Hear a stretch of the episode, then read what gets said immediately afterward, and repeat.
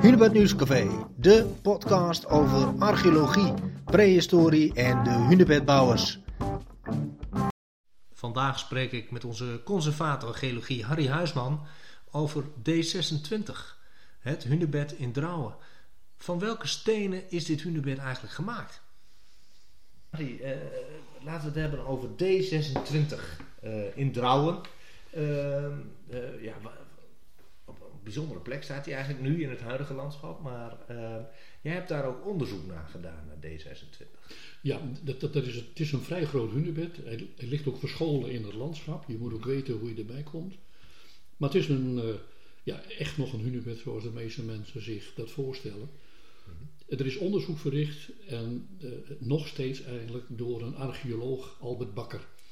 En die is daar al jaren mee bezig. Die heeft in de eind 40 jaren dat hunebed opgegraven. En is de vondsten aan het uitwerken. Oh ja. En dat wordt een heel boek. Mm-hmm. En op een gegeven moment kwam hij met mij in contact, want hij wilde graag weten wat voor stenen er gebruikt waren. Okay, en of ja. dat klopte met wat hij gelezen had, en daar heb ik toen ook aan meegewerkt, of die stenen op kleur waren uitgezocht. Oh ja. En uh, nou, de meeste mensen die uh, weten ervan of hebben er wel eens van gehoord mm-hmm. dat rood vaak in verband wordt gebracht met bloed. Ja. En met, met, met, met, met ja, overleving, met leven en dat soort zaken. Mm-hmm. En hij had een idee dat misschien uh, dat Hunebed D26 ook samengesteld was uit hele grote keien die ja, ook geselecteerd waren op kleur, op rode of roosachtige kleuren. Ja. En of ik bereid was om daar naar te kijken. Maar ja goed, als jij uh, een hunebed uh, bekijkt van dichtbij, mm-hmm. dan zie je wel dat het stenen zijn. Maar wat voor stenen? Ja. Want er zit van alles op. Korstmossen heel veel. Nou, die, die, die, die mosjes, waar werkelijk de biologen in Nederland gewoon zeg maar voor op de knieën gaan bij wijze van spreken. Ja, ja want dat, dat, dat zijn ook hele bijzondere varianten. Hè? Ja, maar laat ik in ieder geval zeggen, laat ik het wat nuanceren. Ik vind dat idee een beetje doorgeschoten. Mm. Ik bedoel, want er liggen in Drenthe verspreid in het landschap, bij boerderijen, in de openbare ruimte, duizenden keien. Mm-hmm. En als ze een klein beetje in de schaduw liggen, dan raken ze allemaal bemorst. Ja. Met die typische mosjes. Dus om nu zo spastisch te doen dat als je een steen van een hunebed een klein beetje wil schoonmaken, om te kijken wat voor gesteente het is. Mm-hmm. En, en, en iedereen gaat stijgeren, want oh, die hunebedmosjes, dan denk ik, jongens, hou alsjeblieft op. Er liggen er honderden ja. waar diezelfde mosjes op zitten. Ja. En ik vraag niet om dat hele hunebed schoon te spuiten. Nee. Het is maar een vierkante decimeter. Om te zien van nou, wat, wat voor structuur zit daar nou Ja, je moet die kleuren ja. zien, je moet de structuur zien en, en, en je moet de mineraaltjes. Want die hunebedkeien, dat zijn meestal keien van graniet. Mm-hmm. Dat is een hard gesteente. Ja. En daarom zijn ze ook vaak een beetje blokkig, rondachtig. Mm-hmm. Maar daar heb je honderden typen in. Die allemaal verschillend zijn qua kleur, qua korreling, hè, de grootte van de kristalletjes die erin zitten. En hoe ze ten opzichte van elkaar gerangschikt zijn. Ja. Dus wil je daar wat van zeggen, dan moet je op zijn minst een venstertje maken. Mhm. Nou, dat kun je met een borsteltje proberen, maar dat lukt je niet. Die kosmossen die zitten zo ontzettend vast op die steen. Ja. Daar moet je een hoge drukspijt voor hebben. Ja. Nou, dat heeft wat voet in de aarde gehad om daar toestemming voor te krijgen. En er is een soort compromis uh, uh, met staatsbosbeheer uh, gesloten. Dat waar het niet anders kon, werd een heel klein stukje schoongespoten. Ja. Dat kon ik dan bekijken. Mhm. Maar hunebedden bestaan dus uit zeg maar, stenen die op de grond staan en stenen die er overheen liggen, dekstenen. Ja. Nou, die stenen, die draagstenen, die dus voor een deel in de grond zitten, Mhm. daar uh, werd aan de voet van zo'n steen werd een schep grond weggehaald, zodat je als het ware de steen zag onder het oppervlak. Oh ja. Ideaal, Ja. want die is schoon. Mhm. Nou, even een beetje spuiten om het zand weg te halen. Ja. Ja, en ik lag op de knieën met een loepje, Ja. eh, prikkenbeen in het veld, om te kijken van, kun je dat herkennen? Mhm. Nou, de, stenen van eh, D26 hebben we op die manier hebben we kunnen determineren.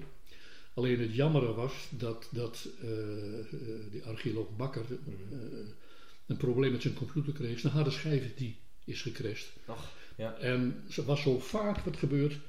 Hij had geen backup. Nee. Oeh, ja. Dus alles was weg. Hm. Nou, ik heb hem nog een deel van de gegevens kunnen sturen. Ja. Maar welke soorten stenen in welke volgorde, Ja. Dat wist Ja, ik niet dat- meer. nee, nee. Dus- Dus we zijn er nog een keer met uh, Wijnand van der Zanden naartoe gegaan en hebben opnieuw de stenen gedetermineerd. ja, Nou, en, en daar komt dus nu een boek van. Maar dan blijkt gewoon dat je dus te maken hebt in dat hunebed met, ja, met, met, met allereerst grote keien. mhm, Maar de meeste zijn, nogmaals, van graniet. ja. En je hebt er ook bij van, ja, dat is dan gnijs zoals ze dat noemen. mhm. Eh, dat ziet eruit als graniet.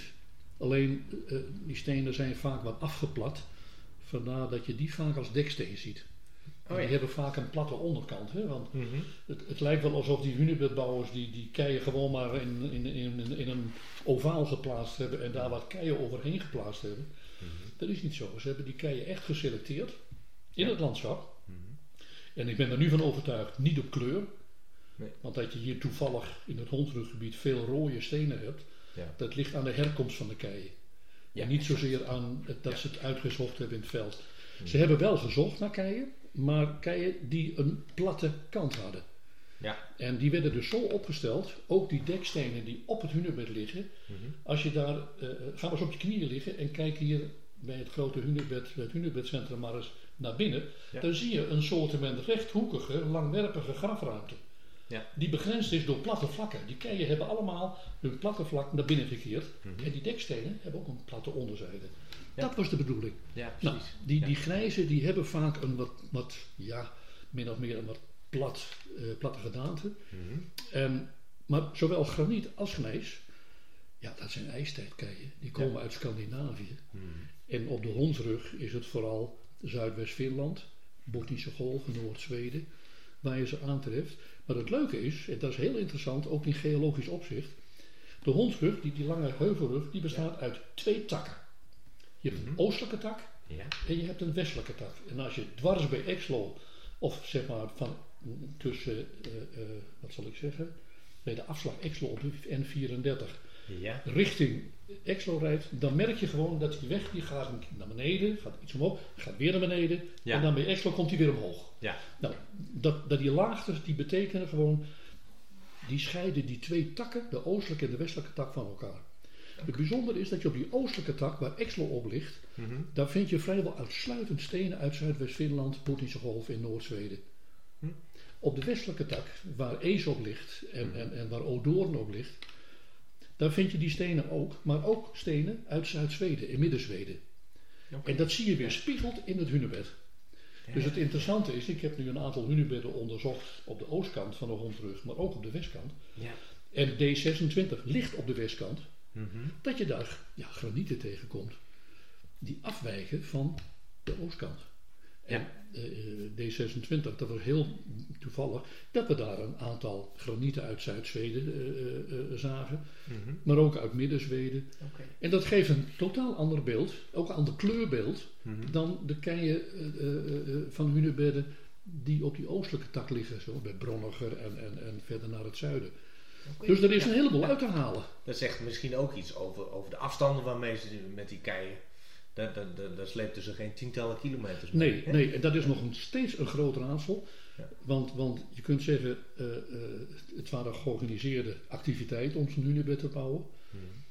Die stenen die hebben in het landschap gelegen. Net wat jij zei, daar hebben ze echt niet kilometers mee lopen slepen en sleuren. Mhm. Ja. De hoeveelheid keien wat je dus nu op de hondrug tegenkomt, is niet te vergelijken met wat het oorspronkelijk was. Mhm. Het was een ongelooflijke rijke provincie aan stenen.